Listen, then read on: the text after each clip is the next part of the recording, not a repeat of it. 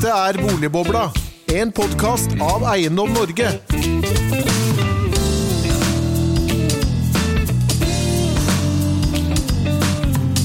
Hjertelig velkommen til en ny episode av Boligbobla, denne gang om tilbudssidekrise i boligmarkedet. For pandemien den er forbi, norsk økonomi går for full maskin, arbeidsledigheten er rekordlav, mens inflasjonen stiger og rentene skal opp. Og boligprisene, ja, de fortsetter krapt oppover, mens boligbyggingen og nyboligsalget det går nedover. Ifølge boligprodusentene er salget ned 15% fra i fjor, og ifølge en fersk telling fra Røystrand Co. er det òg under 900 boliger, nye boliger for salg i Oslo i juni. Får vi en tilbudssidekrise i boligmarkedet, og hva betyr dette for boligprisene? For å ta oss gjennom dette spennende temaet vi har fått med oss noen utmerkede gjester. Hjertelig velkommen til deg, administrerende direktør Lars Jakobim, ny direktør i Boligprodusentene. Takk skal du ha. Og Mikkel Røisland, rådgiver i Røisland Co. Hjertelig velkommen til deg også. Tusen takk. Og ved min side alltid så sitter jo du, Henning Lauritzen, Eiendom Norge-sjef. Yes. Hva skal vi si om boligprisene så langt? Vi hadde jo presentert jo vår prognose med brask og bram i, i desember. Og da, da, jo da, da, så det jo mørkt ut, vi må jo si det. For det første, pandemien var jo det var en ny nedstengning. Det, var, det rådet en viss pessimisme. Vi trodde på 4 over landet i 2022 og 3% i Oslo.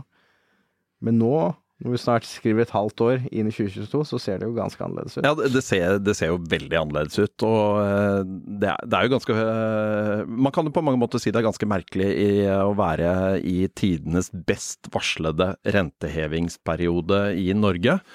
Og samtidig se at vi til og med mai da har hatt en boligprisvekst på 9,2% Og det er altså det er den sterkeste veksten i bruktboligprisene siden gjeninnhentingen etter finanskrisen og årets fem første måneder. 2009, altså. Ja. 2009, våren 2009. Og, og, så er det jo sånn at det er solgt litt færre boliger hittil i år enn det som vi så i fjor f.eks. Men, men mai var faktisk da tidenes rekord når det gjelder volum. Så, så nå har det etter noen labre måneder da tydeligvis kommet tilbake til en, en, en, form for uh, høyt nivå igjen, rett og slett. Men, men, hva er det som på en måte gjorde at vi, vi tok så, så, feil, da, når vi da presenterte prognosene rundt den 20. desember i, i fjor? Det er tilbudssiden. Det er det svake tilbudet som, som, ble mye svakere enn det vi så for oss, og, og som har drevet opp prisene. Nå, nå, nå, var det jo noen sånne ting som var ganske interessante. Altså, gjennom hele pandemien så har tilbudet, altså antall boliger for salg, gått ned jevnt og trutt nedover. Men, men, det vi så i romjulen var at det ikke ble lagt ut noe særlig nye boliger for salg, og da pleier det å legge ut masse boliger for salg. Så da vi kom inn i året Altså til, tilbudssidekurven gjennom romjulen, ja. den så helt annerledes ut enn det den, som er verdt det Den pleier å være veldig nivået. bratt oppover. Eh, det pleier å komme ja. mange, mange ut rett før nyttår, men nå var den eh, temmelig slak. Så vi kom inn i året med få boliger, og så, så fikk vi da denne nye avværingsloven som gjorde at det tok lengre tid å få boligene ut på markedet, for prosessen ble mer tidkrevende. Eh, sånn at uh, tilbudet var lite, men kjøperne var der, og det presset opp prisene. Og så kan det være et sånn uh, ting som har kommet i tillegg også, det er at man flyttet veldig mye risiko fra, fra boligkjøper til boligselger. Og, og, det kan nok i en viss grad også ha blitt priset inn i prisene. For, for det, det, skrev Finanstilsynet nå nylig i Finansielt utsyn, gjør det ikke det? Jo, det skrev det i Finansielt utsyn. Hvis, hvis eh, bruktboligmarkedet hadde vært et rent proffmarked, så er det helt åpenbart at vi hadde sett en prisstigning når man flytter mye risiko fra eh, kjøper til selger. Eh, boligmarkedet jo ikke, består jo ikke hovedsakelig av profesjonelle aktører, så vi er jo litt mer usikre på hvordan de priser den risikooverføringen, men det er nok eh, elementer av det, som Finanstilsynet også påpeker. Mm. Så, men altså, hvis du tar dette litt i klartekst, det, det, det, man egentlig ser for seg, da, det er at det er en avhendingsloven har skapt en, ny, en, annen sorteringsmekanisme, hva kan du si, på kvalitet i boligene, og noen er da villige til å betale mer for bedre boliger, er det sånn? Ja, ja det er, det, det, altså en risikooverføring i seg selv, det man får mindre ansvar, kan man si, på en måte si er en slags forsikring, og det, den har en økonomisk verdi i seg selv. Og så kan det også være noen sorteringsmekanismer inni det mm. når det gjelder kvaliteten på de boligene som er lagt ut i første del av dette året, sammenlignet med et gjennomsnittlig foregående år. Mm. Så der, der er det også noen muligheter. Mm. Lars Jakob, når boligprisene går så vanvittig, så skal jo egentlig det dine medlemmer og din statistikk, som dere da utgir midtveis i hver måned, viser et helt annet bilde enn det du presenterte nå for bare et par dager siden. Mm. Det er nok et marked som er preget av veldig stor usikkerhet på alle i hele verdikjeden. Vi ser det er mange faktorer som påvirker samtidig. Det, vi går ut av en koronasituasjon som har eh, ført til eh, en del forskjellige forstyrrelser i markedene, og samtidig så har vi hatt en voldsom eh, råvareprisøkning. Det startet med trevare i fjor, med den situasjonen vi hadde i Canada med barkebiller og skogbranner. Som alle terrassebyggerne ja. fikk erfare gjennom sommeren? Ja, absolutt. Så det, det, det var mange som, som, merket de prisene ganske raskt. Og så trodde man jo at de prisene skulle begynne å gå ned. Eh, og det gjorde de vel også litt utover høsten? Litt. Ja, men allikevel ikke mye. Og så ble det i hvert fall ikke den prisutviklingen man trodde, og nå, nå er jo fortsatt de liggende ligger høyt. Eh, så er det jo en del som sier at disse råvareprisene skal det er vel ikke så mange som lenger tror at de skal mye ned, men at de mer flater ut. Men eh, så kom da eh, Alle trodde jo da situasjonen skulle endres, og så skjedde det noe igjen i slutten av februar som vi så ganske tydelig i vår statistikk også, eh, med, med, situasjonen i Ukraina. Eh, og konsekvensene av det igjen. Og på toppen på typisk stål og betong og en del andre varer som også ble påvirket av det. Og I tillegg så har vi en eh, energimangelsituasjon og priser på det, som igjen fabrikker som produserer råvarer eh, gjør at det er dyrere. Vi hører rykter om fabrikker som er satt på hold og driver vedlikehold fordi de ikke klarer å produsere med disse energiprisene. Veldig mange mhm. usikkerhetsfaktorer samtidig som gjør at eh, det både er prisøkninger, det er krevende for entreprenører å kunne gi en god pris og regne hjem ting, og tilsvarende for eh, eh, de som til syvende og sist skal ha ansvaret for byggingen og som er medlemmer hos, hos oss. Så det gjør nok at mange har sittet på gjerdet et par måneder i hvert fall. Altså ut, utbyggerne? Utbyggerne. Ja. ja. Så vi har sett en nedgang etter en liten oppgang i starten av året. Eh, nå ser vi at en del prosjekter allikevel er satt i gang i leilighetsmarkedet i særlig storbyene.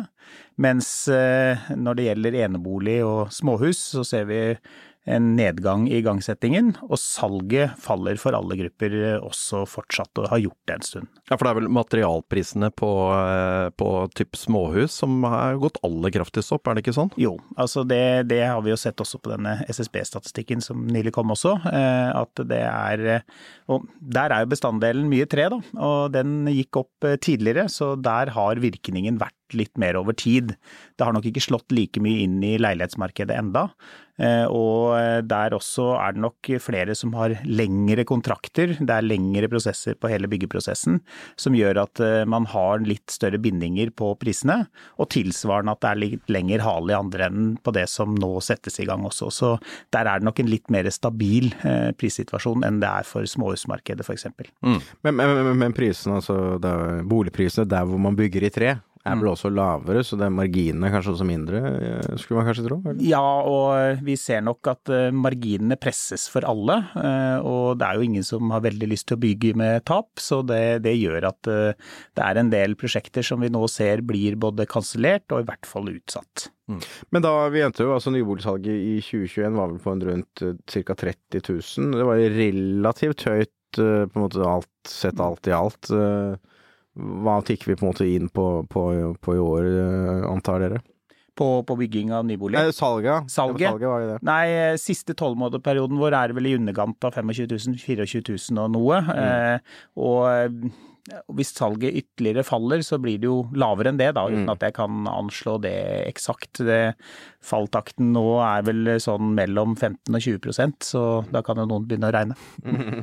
hvis den fortsetter. Ja, riktig. Nei, men Mikkel, du, du teller jo også. Det er jo Oslo, Oslo og Østlandet som er ditt domene. Dette er vel et bilde du, du, du også ser i dine data? Ja, det er det. Eh, nå er det viktig, det blir jo, det blir jo mye tall og, og, og, referanse til hvilke tall uh, vi snakker om. Og, og, det vi måler, altså vi måler jo alle nyboligprosjekter for uh, egen regning, holdt jeg på å si, altså på, på prosjekter med, med, ti enheter eller flere. Sånn at vi er jo i, ikke på de småprosjektene. Mm. Um, Og, og det, Jeg har lyst til å begynne med det litt sånn lange bildet, fordi vi, vi har jo hatt nå siden 2017, andre halvår 2017, så har jo volumet ut i Oslo-markedet gått drastisk ned. Altså det har ligget på 1800 nye boliger ut i, i markedet per år over nå snart fem år. Uh, og vi sa jo allerede i 2019 at 2020-2021 uh, så kommer prisene til uh, å, å, gå Uten at du visste at det var en pandemi for vei? Da. Uten at vi, at, uten at vi visste det, fordi det er 1800 boliger ut i Oslo per år over tid. Det er jo under halvparten av det vi mener det bør være, da. Um, sånn at, og det gjør jo at rotasjonen i boligomsetning på brukt og nytt, det, altså den går jo ned. Mm. Uh, så vi forventet jo at uh, det skulle bli trangt i døra rundt 2020. Mm. Så øh, det er øh, litt av årsaken. Så kommer pandemien, øh, og da trodde jo i hvert fall jeg, som har holdt på siden 85, at nå har vi jo i hvert fall fire ganger da, faktorer som slo inn i forhold til 89, at dette her kommer til å gå skikkelig ille. um, heldigvis så hadde jo myndighetene en litt annen tilnærming og, og, løsning på det problemet enn de hadde i 89. Mm. sånn at det tok jo bare åtte uker, så var, jo, var vi jo i gang igjen i juni. var den nullrenten der i 8. mai? 9 9. meg. var det Definitivt. uh, og, og, vi uh, nordmenn med nisselue godt plassert uh, her oppe i nord med oljeinntekter osv., vi tenker jo at dette går jo, dette går jo bra. Um, så, så, da hadde vi jo, når vi har sett på tallene, omsetningstallene, nå har vi bare tatt tilbake igjen tolv måneder fra, fra 1. juni. Så tok vi den perioden eh, fra eh, 1.6.2020 og til 1.6.2021. Da ble det faktisk solgt 3000 Eh, boliger, nyboliger i Oslo. Eh, det tallet nå, eh, de siste tolv månedene, er på 1700. Mm. Og, og det, det, er halvering da, nesten? Ja.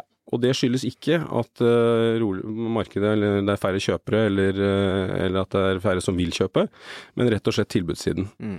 Uh, og et eksempel på det er jo at uh, i mars måned nå i, i, Oslo så kom det ut uh, 450 nye boliger i én smell på én måned, og 60% av de 450 ble solgt i samme måned i Oslo. Ja, ja.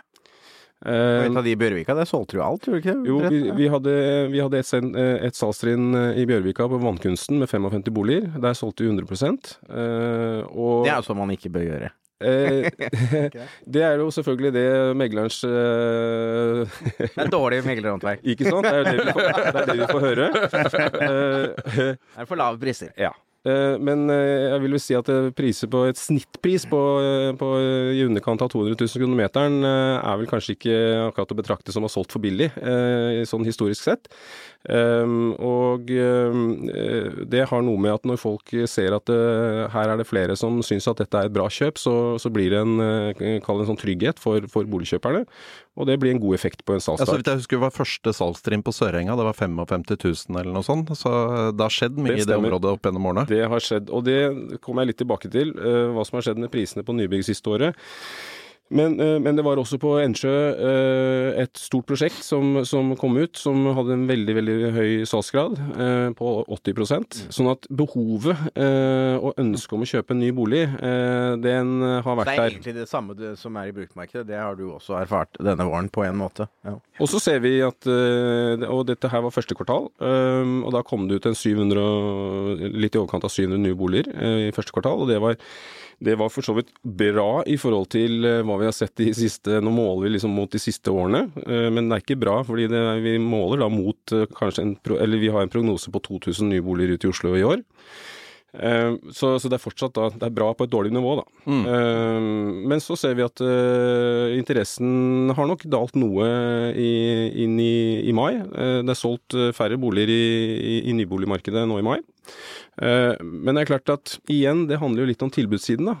81 eh, av de leilighetene, altså 81% av leilighetene i prosjektet som ligger ute, er solgt. Mm. Så det, altså, det er, ikke, det er, er ingenting igjen å selge av, av, det som det, så har da, vært i varelageret. Ja. Så når du har solgt, hvis du har, ta det ned på ett prosjekt, da. Har du solgt 81% av leilighetene i et prosjekt, så er det klart det er mindre å velge i for, mm. for markedet. Så, så hva skjer nå, da? Ja, hva skjer nå? Eh, det som, det det er klart at vi, eh, Akkumulert er det bygget ca. 40 000 for få boliger i Oslo de siste 20 årene. Mm. Det, det, Behovet er, er, jo, i hvert fall demografisk, enormt. Det er en kjempeutfordring. Uh, vi ser jo nå, nå er jo innflyttingstallene på vei opp igjen uh, i Oslo. Og, og, urbaniseringen den kommer jo ikke til å avta, det er tvert imot. Uh, vi ser på de som det er, det er, jo ikke bare seniorer som er interessert i å kjøpe leilighet i Oslo. det er hovedsakelig faktisk yngre barneetableringsfamilier. Mm. og det er yngre seniorer, som vi kaller det. på sånn 50 Fra 45 til Skal ikke fornærme noen. Nei, nei. nei. Så segmentet 55 pluss, det kommer til å dø ut? Eh, nei, absolutt ikke. Eh, men, det, men, for leilighetskjøp sentralt i Oslo, som jeg pleier å si innenfor Ring 3, uh, eh, det, det, er, det, er, 45 til 65. er du eldre enn det, så vil du gjerne flytte til det nærmeste senteret, der hvor du alltid har handlet når du skal ut av familieboligen. Eh, så det er noen glidninger der. Men, men uansett, eh, det er, det er, et stort ønske om eh, mer boliger og mer sentrale boliger. Og det gjelder ikke bare Oslo, vi ser jo det rundt Oslo også. Ja, absolutt. Så, men hva som skjer vi, vi, tror jo da ikke, pga. den lave tilbudssiden, at det kommer til å skje så veldig mye med prisene. Vi tror ikke at prisene på nybygg kommer til å gå noe vesentlig mye mer nå, fra det nivået vi har sett på det som er lagt ut i, hittil i år. Så at det blir en sideveis eh, prisutvikling på, på, nye boliger eh, det nærmeste året, det, det tror vi nok. Eh, men så skal det også sies at det er veldig selektivt, som Megler alltid pleier å si, når, når, ting begynner å roe seg. Mm. Men det er det faktisk. Uh, vi ser uh, enkeltprosjekter som har gode kvaliteter, gode, gode beliggenheter. Uh, de er det nok kjøpere til som er villige til å betale for, uh, for Bjørvika, Typisk Bjørvika, typisk Seterkrysset eller Røa eller altså ja, og, men du kan si at alle markeder har sitt, eh, sitt kall det indre liv. da. Eh, om du ligger på Ski, eller om du ligger i Drammen, eller om du ligger eh, på, på, i Lillestrøm, så, så, er det samme bevegelsene, eh, samme målgruppene, men de har litt ja, de, de, de, har samme atferden, for å si det sånn, som for så vidt de har i Oslo. Selv om Oslo er litt spesiell, fordi Oslo tiltrekker seg folk fra hele landet. Mm. Så det å lage et godt prosjekt gir et enormt fortrinn, egentlig? Veldig. Ja. Og det ser vi jo, for vi er jo med å utvikle prosjektene sammen med arkitekt og, og rådgiver helt fra reguleringsstadiet, og det er utrolig viktig at man tar til seg de, hva skal vi si, eh, endringene i, folks eh, levemåte. Da. Eh, og det ser vi jo det, Der skjer jo mye, og, selv om det, det, det tar tid. altså nå har jeg holdt på i 30 år med dette her, og vel så det, så men ja, gi, gi, et par eksempler på hva det kan være. Altså det, I og med at det er uh, yngre mennesker som uh, ønsker å bo uh, sentralt, så, så, ønsker de da å bo i en leilighet, men de må jo få den praktiske hverdagen til å gå i hop. og det går på at altså alt fra Sånn som vi har prosjekt på, for Skanska oppe på, på Borgen, hvor vi har gått all in mot målgruppen barnefamilier. Og det går på alt fra at uh, Oda skal levere mat. Uh, da har vi leveringsdepot som er tilgjengelig for de som skal levere mat. Kjøleskap eller varme, varmeskap. Uh, Bodø lagring, kjempeviktig. Det vi kaller for mekkerom, altså der hvor du kan ordne og fikse med alt stæsjet du har. Og det er jo ikke grenser for hva både Nei, unge og eldre har, mm. har av stæsj. Uh, og det er igjen også med på å bygge sånn, det vi kaller for sosial bærekraft. Da, nemlig det å å vært, altså Det er blitt mye mer fokus på det å Møteplasser? Møteplasser, ja. Og mm. hvordan møtes folk. Um, og det er jo De skal møtes naturlig, de skal ikke ha den ventestuen nede ved inngangspartiet hvor du kan sitte og vente på en nabo som du skal uh, gåsehudeplage. men, du, men du skal heller ha uh, du skal heller ha en naturlig altså dette mekkerommet hvor du treffer noen som er, holder på med det samme som det du gjør, så bli kjent med naboene. Om du har en hagegruppe med tilrettelagt ute i grøntarealene, selv urbant. Ølbryggerom, kanskje? Ølbryggerom. Ølbryggerom er det nye. ta, ta, ikke sant. Takterrasse har vi jo med urtehage. Bomberom, er det kommet da? Bomberom har ikke blitt så aktuelt, eh, men eh, med det nye kravet til sykkelparkering i, i, innomhus, så har vi nok bomberom, egentlig. ja, akkurat. Så det er dekket allerede. Det er dekket, ja. Men, men jeg var jo på, på den lanseringen av disse, disse, tallene dine, og da snakket jeg med flere, og, og det gjengangeren var jo selvfølgelig byggekostnadene. Mm. Altså, hva, hva sier folk om det?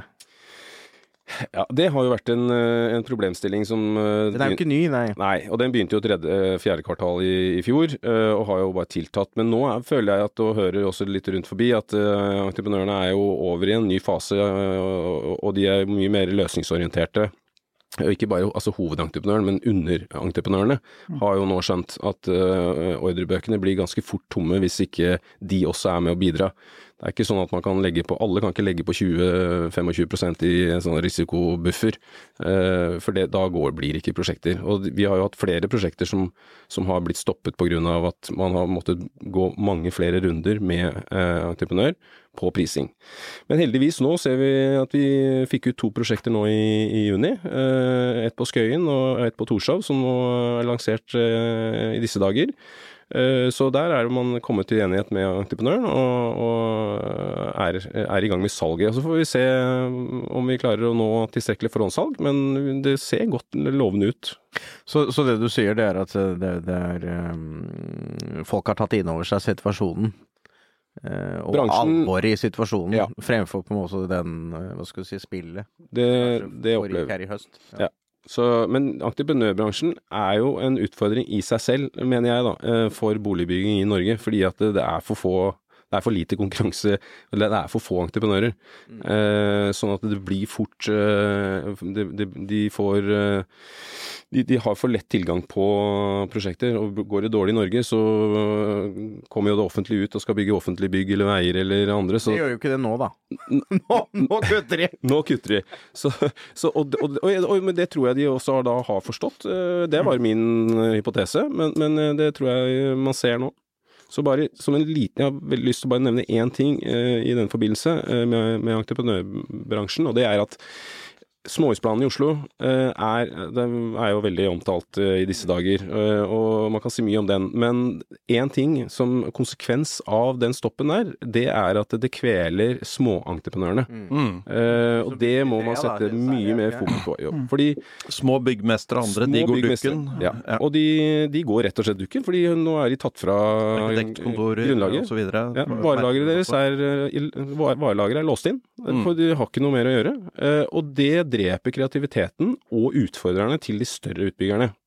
det eh, begynner der? Det begynner jo der. Ja. Ta et eksempel sånn som, sånn som Solon uh, har jo vært en superbra Og de som, folka som jobbet der, har jo vært en superbra utfordrer for, for entreprenør og utviklerne, konkurrentene. Uh, de beviste på ski at det går faktisk an å levere høykvalitet arkitektur uh, på ski på, helt, på, et helt annet prisnivå uh, enn en, uh, man har sett før. Så de var villige til å gå den løypa. Og det er det som er positivt ved å ha flere av disse oppkomming entreprenørene og utviklerne. Så det blir en sånn utilsiktet virkning av et politisk vedtak som slår ganske hardt? Det gjør det. Og nå, sånn som i Oslo, sant, så er jo en utfordring at eh, det er én aktør som har 40% av markedet. Altså Obos øh, er, altså, etter min oppfatning, må ikke bli større. Uh, de, de, trenger konkurranse og for, for, å få en variasjon og en mangfold. Nå er jo de kjempeflinke, og de tar samfunnsansvar, absolutt. Men, men, jeg tror på konkurranse. Men, men, det er ikke slik at det nå, med den småhusplanen, da, at, at, nå vil alle se Alle vil i hvert fall gå ut av Oslo nå, om de ikke har gjort det før.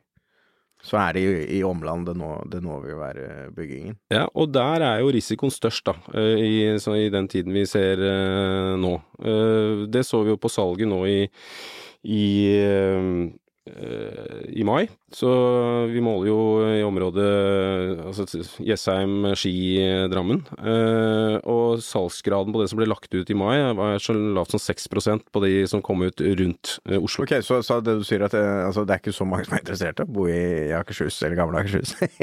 jo, eh, det kan du si at Men de, det, er, det er mer sårbart altså på kostnadssiden. De, fordi prisene har jo gått for nybygg Det er ikke noe spesielt mye billigere billigere å bygge på, i Kolbotn enn, en i Oslo. Eh, men, men, eh, ja, så det markedet roer seg betraktelig mer der hvor det er større ut, utbud, da. Og det er det jo i Jessheim, eh, Ski Altså det er, ja, det er større utbud. Men eh, Lars Jakob, nå snakker vi om markedet markeder hvor det er veldig høye priser. Hvordan ser situasjonen ut blant dine medlemmer når vi kommer ut av de regionene hvor vi ser disse høye prisnivåene på bolig? Det er jo en veldig todeling i markedet som vi ser nå. Altså, jeg kan jo støtte opp under det som allerede er sagt. Vi ser jo at det er eh, en villighet til å betale de ekstra prisene og den ekstra kostnaden som det er i særlig storbyene. Mens rundt, utenfor de aller største byene, så er det en ganske klar brems. Og veldig mange av våre medlemmer melder om at nå er det vanskelig å egentlig få i gang noe særlige særlig prosjekter. Det, og det handler jo om det samme med, med, den kraftige prisøkningen som man har sett på kostnadssiden, og, og tilsvarende at de ikke mer, altså, de, de, tror ikke at de vil få de prisene i markedet, og derfor så setter de på, på bremsen og utsetter prosjekter. Eh, så eh, rundt omkring så, så, er det en utfordring. Og det, dette er jo gjerne små hjørnesteinsbedrifter. Det er jo en viktig distriktsarbeidsplass eh, rundt omkring i hele landet. Og i tillegg så er det jo også behov for å bygge boliger i distriktene. Det er en veldig gammel boligmasse, og det er ikke veldig attraktivt for de som ønsker å flytte til f.eks. Og, og ta over bygningsmasse som som er såpass gammel. Så det er, en, det er, en, utfordring som kan bite seg litt fast over, over tid hvis, hvis hvis dette vedvarer. Jeg, jeg var, hadde innlegg på en sånn huspakkonferanse oppe i Nord-Norge for mm. noen dager siden. og eh, Et av temaene der var jo boligbygging og utfordringene med det i distriktene. Men, men, sånn som jeg ser det, så vil jo altså Mange steder så har man jo arbeidsplasser. Du har en eller annen hjørnesteinsbedrift som ikke får tak i ansatte, for de har ikke noen boliger osv. Men, men mange steder så vil jo dette være en ekstremt vanskelig situasjon. At du, at du får en så kraftig vekst i eh, kostnadene ved å bygge nytt. Men hvordan, hvordan, får vi gjort noe med dette? Nei, det, det er ikke noe sånn enkel fix på det, men det er klart eh, både boliglånsforskriften og at man eh, sørger for at eh, altså selve verdien ved boligen, fordi den koster jo mer enn det den er verdt ofte. Ja. Og det, det, er jo en utfordring. Og, og det området ja. som, som, på en måte det er vanskelig å bygge fordi den byggekost er høyere enn nyboligverdi, ja. det blir jo bare større nå?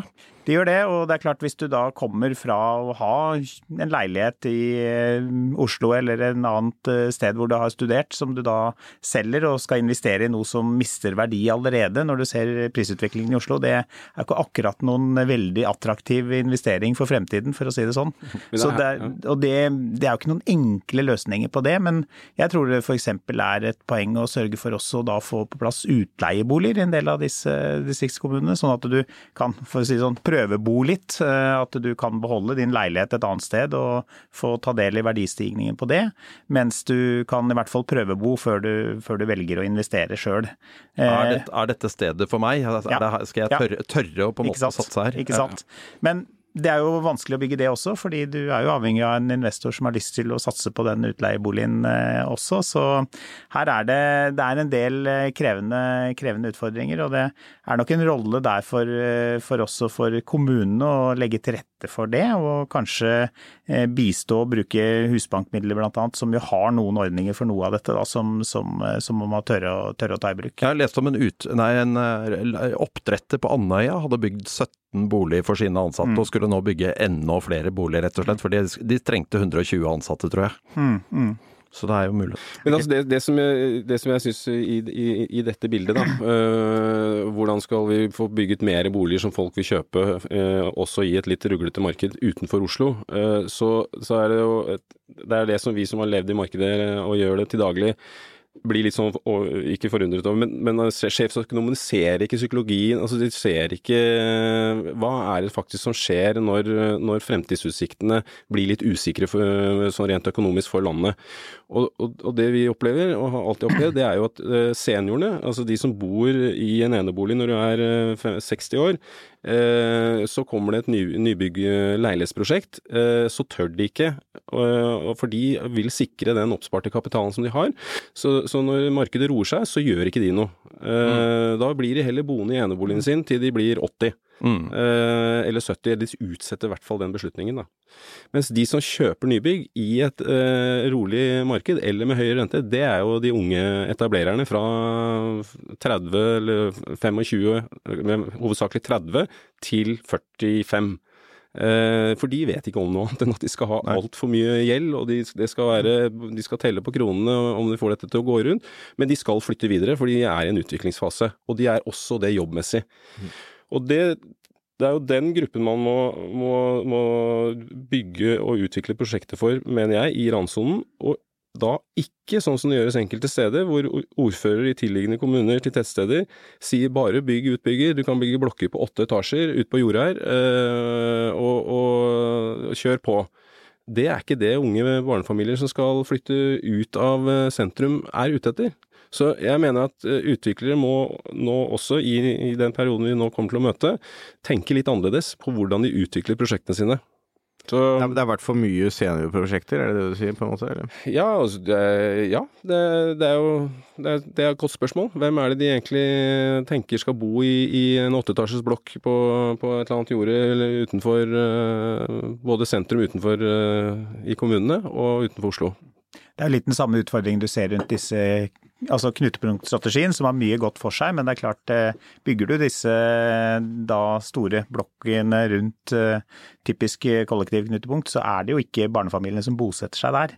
De vil jo gjerne ha det rekkehuset eller småboligen eh, litt lenger unna, eh, og som gjør at du får en hageflekk og en parkeringsplass. Så de som, eh, de som ikke bruker kollektivtrafikken, det er de som ender opp på knutepunktene? Nei, det er jo litt sånn. Altså, du ser jo det i de mindre stedene rundt, rundt Oslo f.eks., at de, de, prosjektene Men jeg mener jo at du bør ha de. Altså, selvfølgelig skal du bygge tett rundt selve kollektivknutepunktet uansett hvem som, hvem som bosetter deg. Men du må, du må, tenke den litt større sirkelen rundt, og sørge for at du også får en etablering Men, men da, da, er du jo på linje med det som står i regjeringserklæringen, så vidt jeg husker? Ja, det, skal man løse litt opp i strategien? yes, det, og det tror jeg er en helt riktig tilnærming. Men jeg tror det henger litt igjen fortsatt, fordi man har Når man da hadde denne, og den står jo fortsatt, denne nullvekststrategien på at alt skal ta på kollektiv eller sykkel eller gange, f.eks. Jeg tror jo Utslippsfritt. Ikke sant. Men elbil er også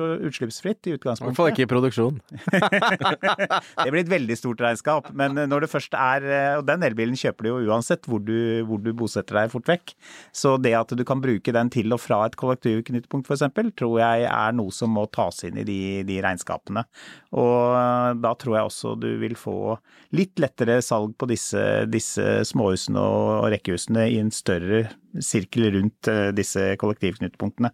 Der tror jeg kommunene rundt Oslo og rundt eh, de store byene andre steder har, har litt sånn nytenking å gjøre for å få lagt til rette for det vi ser, vi ser, også at det er jo den, den, delen av markedet som faller mest, både i produksjon og salg. Det er jo småhus ja. og, som da har jo hatt eh, den største fallet nå. Mm, mm.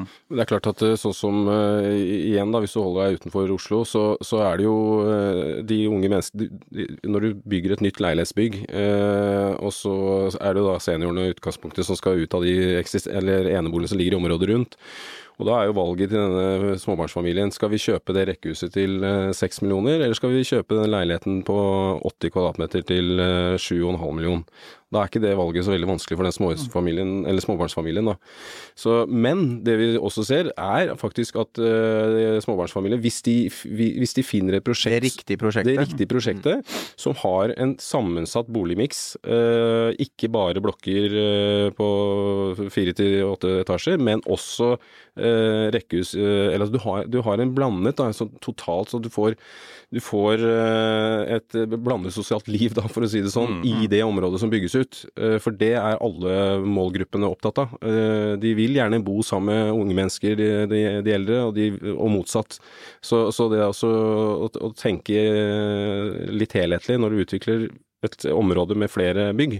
Så sånne det, amerikanske pensjonistbyer, de får vi ikke i Norge? Eh, nei, jeg, vi, vi, vi, gjør ikke det, altså. Vi, og vi ser, sånn som på, ute på Billingstad f.eks., så, så er det jo, bygges det masse blokker. Og det er mye småbarnsfamilier som, som ser at det er første steg fra en toroms inne i Oslo til en eh, litt større leilighet på, på 80, og så, for de har ikke råd til å kjøpe rekkehuset eller eneboligen ennå. Mm -hmm. Sånn at det er, en, eh, det er en vei på Etablering i etablering. området. Mm.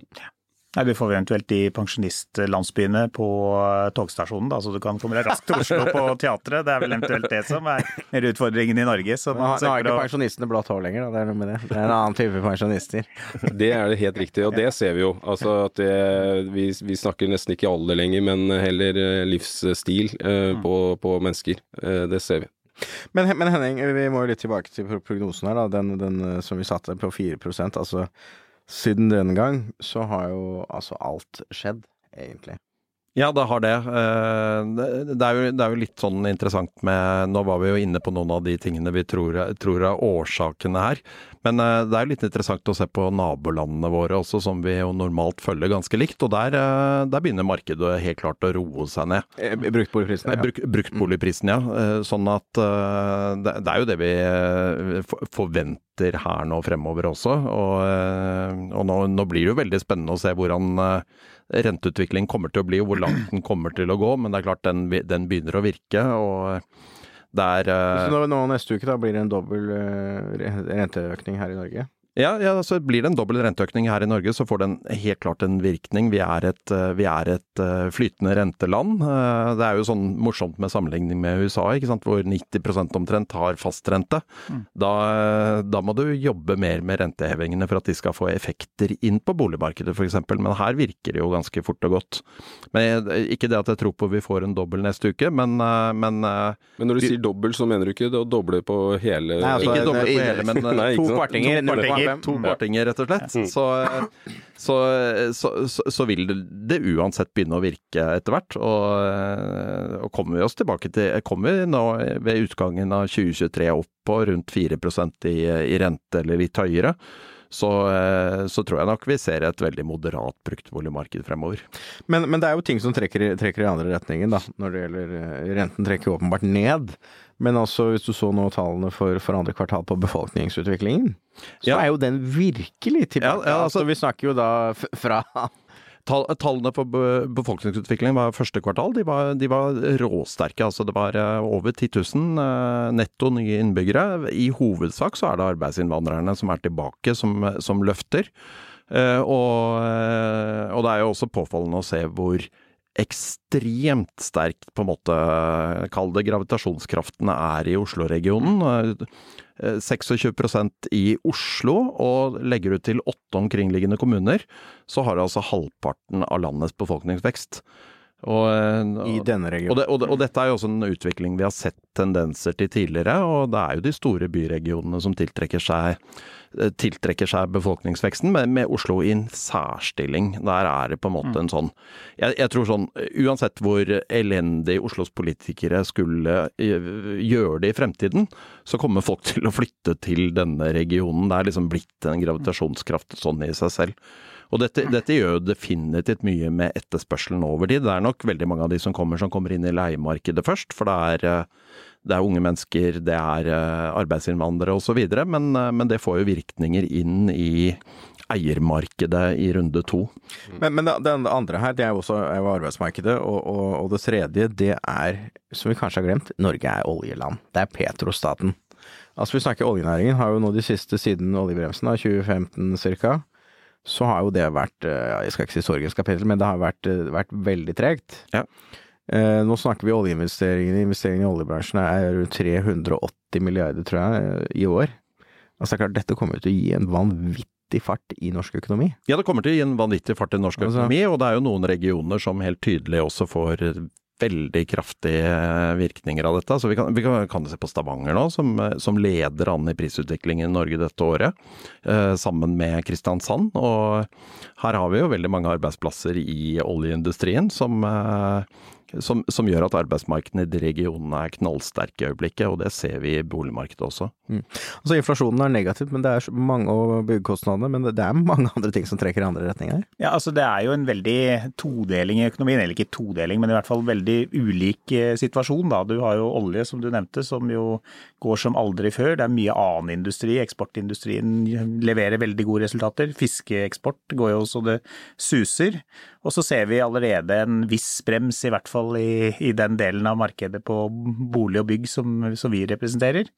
Så, og så er det jo sånn at det er jo renta som jo brukes som styringen på farten i økonomien, men den slår jo ekstra hardt på bygg- og bolig, boligmarkedet, som kanskje ikke er den delen som har den raske, raske og det store trøkket akkurat nå. Så det blir litt spennende å se hvordan det virkemidlet også, også da faktisk fungerer, gitt at det blir en økning neste uke, enten den blir en kvarting eller en halv, eller, eller hvordan det er. For det, det, har jo både en effekt på selvfølgelig eh, investeringene og, og, våre medlemmer, men det har jo selvfølgelig en minst like stor effekt på, på kundene våre. Og du kan jo kanskje enda få en enda sterkere forsterking av den situasjonen allerede ser, hvor det jo er det store presset i Oslo på, og Stor-Oslo-regionen og litt eh, Vi ser det ikke egentlig i Rogaland da, men eh, Bergen f.eks. Så, så er det jo et, fortsatt en aktivitet.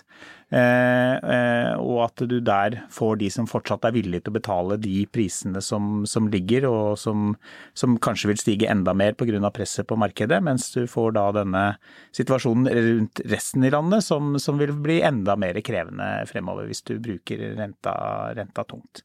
Så, så, vi håper i hvert fall at eh, myndighetene disiplinerer seg og holder seg i sjakk så du ikke får ytterligere rentepress eh, når statsbudsjettet og andre ting kommer til høsten. For det, det kan skape en utfordring i, i, vår bransje. Og så er det en, selvfølgelig en utfordring da med at andre fortsatt går så det suser. Og så skal utlånsforskriften evalueres til høsten. Det blir også spennende å se hvordan en ny regjering ser på den. Og, og, og hvor mye de lytter til Finanstilsynet, for vi vet jo hva de vil. Ja. Det, det, var vel noen signaler vi så, så, forrige uke på det, og eh, det høres ikke akkurat ut som du skal ha noen store justeringer, men det, det blir en spennende politisk runde. fordi jeg tror, ikke, jeg tror, ikke, man kommer bort fra at man må ha noen reguleringer, men det går an å se på de, hvordan, hva de faktisk stimulerer til eller ikke stimulerer til. Eh, så du kan, du kan tenke trygghet og stabilisering på litt andre måter, enten f.eks. som du, du, nevnte med, med fastrenteløsninger eller andre ting som, som også er muligheter til å sørge sørge for en stabilitet, uten at du legger den samme begrensningen på hva du får til, f.eks. I, i, rundt i Distrikts-Norge. Ja, Det var en eh, statssekretær i Finansdepartementet som var ganske tydelig det, da IMF kom med en del råd til Norge, var det du kanskje tenkte på? Mm, mm. Ja. Mikkel, er det kanskje grunn til litt optimisme after all? Uh, ja, altså, Kall det nøktern eh, optimisme basert på et litt uh, negativt bakteppe, nemlig at det er for få boliger uh, ute i markedet. Og, og det som, men, men, det er jo klart at dette med bolig, altså hvordan boligkjøperen skal finansiere kjøpet sitt, det er jo en utfordring. Og, og bankene må jo følge de, de, de påleggene de får. Og når de nå til for ikke veldig lenge siden trakk av 10% av en, eh, en potensiell låntakers eh, verdivurdering på egen bolig. Eh, da har de tatt barbert bort 10% av egenkapitalen i sin vurdering av å kunne gi lån. Mm. Nå har vi hørt at de trekker 15% av på verdivurdering når de sender inn verdivurderingen sin. På bruktboligen, på bruktboligen som da kjøperne skal selge. Ikke sant. Uh, og i tillegg da vel har vi lagt inn en beregning om at de skal tåle en renteøkning til 5% Det har de gjort uh, veldig lenge. Mm. Så hvis de nå kommer med nye innstramninger og så sier at du skal tåle 7% rente, og, de, og bankene trekker av 15% av verdivurderingen, da blir det ikke lett for unge mennesker i etableringsfasen å, altså selv med egenkapital, en bolig å selge. De, hvis ikke de heller kommer inn i markedet, da, da blir det litt trist. Altså Hvordan bankene agerer og vurderer risikoen nå, det blir veldig spennende. Ja. Eh, og det, det, her må jeg bare krysse fingrene og håpe at de som uh, sitter og, og, har påvirkning til, til, disse forskriftene og påleggene, skjønner hele bildet. Um, så, men, men uh, som sagt, vi, vi, tror at det blir uh, noen prosjekter ute i litt uh, mer åpent landskap, for å si det sånn, som ikke kommer i gang av prosjekter. Men når det gjelder sentrale strøk, og helt sånn sentralt på mindre steder også, så, så vil det fortsatt gå sånn sidelengs greit. Men prisutviklingen i, i Oslo, øh, for å ta det først, har jo vært øh, på nybygg. Den, altså, prisutviklingen på nybygg er ikke lineær. Altså, den, mm. den, fordi det er jo et uh, mye mer begrenset uh, tallmateriale, for å kalle det det. Og det, er, og det er jo epler og pærer. Ja, det er akkurat det der. Ikke sant? Fordi det er avhengig av hvor prosjektene kommer ut. Uh, men, men, vi ser at de, de, boligene som ble lagt ut i Oslo første halvår i fjor, hadde et prisnivå på rett i underkant, i snitt på 90 000 kroner meteren. Uh, I år så har uh, prosjektene et, en snitt på 111 000 kroner meteren. Det har vært altså en prisøkning på et år på 24 mm. Og SSB hadde vel 10% på sin uboligindeks som kom i går. Ja, og så kan du si at ok, prisøkning er det kanskje ikke, men det er et nytt prisnivå, da. Mm. og det var første Vi har jo delt Oslo i fem soner. Uh, og vi har sett på Oslo sentrum øst, som er, er, uh, Og så har vi Oslo nord. det er Løren og Økeren og oppover. For, se, for der er det mest boliger. Og, og de har den samme prisen. Altså, det har gått opp 15 000 kroner meteren på, på prisnivå på de boligene som er lagt ut nå. Og alle områdene i Oslo, første gang, har et snitt over 100 000 kroner meteren på nybygging. Mm. Ja, for du selger nybygg på Vollebekk og over 100 000 også, gjør du ikke det? Ja. Så, så, så, du får ikke nybolig i Oslo nå ut, under 100 000 kroner per meter? jo da, du gjør det. Jeg snakker om snittene i prosjektet. Ja, ok. Ja, så eh, sånn, at, eh, sånn, at, du får nye boliger Førsteetasjene, de er Ja. Og, og, som jeg pleier å si, du får nye boliger billigere enn du må betale for brukt, som du må pusse opp. Mm. Hva er gjennomsnittsprisen for uh, bruktboliger i Oslo i dag? Nei, har, uh, Den ligger jo re rett under 90, og det er jo uh, altså det er tre by bydeler som har passert 100. Så, og det, det, ligger jo tre-fire rett etter som snart gjør det. Og det er da jeg pleier å si at det betaler folk for å kjøpe en leilighet i en bygård fra ikke forrige århundre, men århundret før der. Sånn at når, snitt, ikke sant? Så når snittet for å kjøpe seg en helt ny leilighet ligger på 100, så er det en liten Det finnes jo de som mener en ny bolig også er et opppussingsobjekt. Nei, nei. Jeg tror vi må la det og gå inn for landing der. Eh, men vi har jo alltid en fast spalte, det er jo din første bolig. Hva kjente du, hva følte du, hva betalte du? Eh, Lars Jakob, du er den første gang du er her, så Ja, du, jeg, jeg, skjønte jo at dere hadde det, så jeg måtte, jo, jeg måtte, jo, tenke litt, da. Men jeg har jo egentlig, egentlig bare kjøpt bolig én gang, fordi jeg bodde først når jeg flytta til Oslo, så bodde jeg først litt i en leilighet som faren min hadde her, og så bodde jeg kollektiv en periode. Så det teller jo ikke. Og så kjøpte jeg meg inn i kona sin eh, leilighet. Så det, det blir ikke helt riktig. Du har aldri vært boligkjøper? Jo, men jeg kjøpte da en bolig sammen med henne på, på Løren. Eh, så det gjorde jeg. Av Mikkel, kanskje? Det kan eh, Nei, det, det, det, det gjorde jeg i 2004 eller 2005, jeg husker ikke eksakt. For og det, på, det, er en leilighet på 95 kvadrat som vi fortsatt bor i, og som, jeg, som vi ga 2 350 000, tror jeg. Da kan du ikke ha kjøpt av meg. Nei, vi var første byggetrinnet på, på det dette. Var lurt, da, lurt, det var en kjempeinvestering, for å si det sånn. Jeg har jo sett flere oversikter som viser at det, det, var av de prosjektene som man forholdsmessig har tjent mest på og har investert i. Førstetrinnkjøperne, de lurer. Ja. Yes. Mikkel, din siste bolig må det bli nå. Du har ikke flyttet ennå? Nei, jeg har ikke flyttet. Jeg, jeg bor der jeg har bodd i de siste jeg å si, ja, nesten 30 årene. Uh, ute på Asker, i Asker, på Nesbru. Så, så hva er din siste bolig, da? Det er en enebolig uh, som jeg er tredje generasjon som er så heldig å få bo på den, uh, den plassen. Så ja. Eiendomsmeglerne får ikke kloa i den? Den får de ikke kloa i, håper jeg. Så det blir, det blir altså fjerde generasjon og femte osv.? Ja, det får vi jo se, da. Men eh, jeg har tenkt å bo der til jeg blir båret ut, eh, egentlig. Så, fordi problemet mitt er at uh, meglerne har jo ikke lov til å drive og kjøpe i egne prosjekter, vet du. Og jeg har jo alle de fine prosjektene. Ja.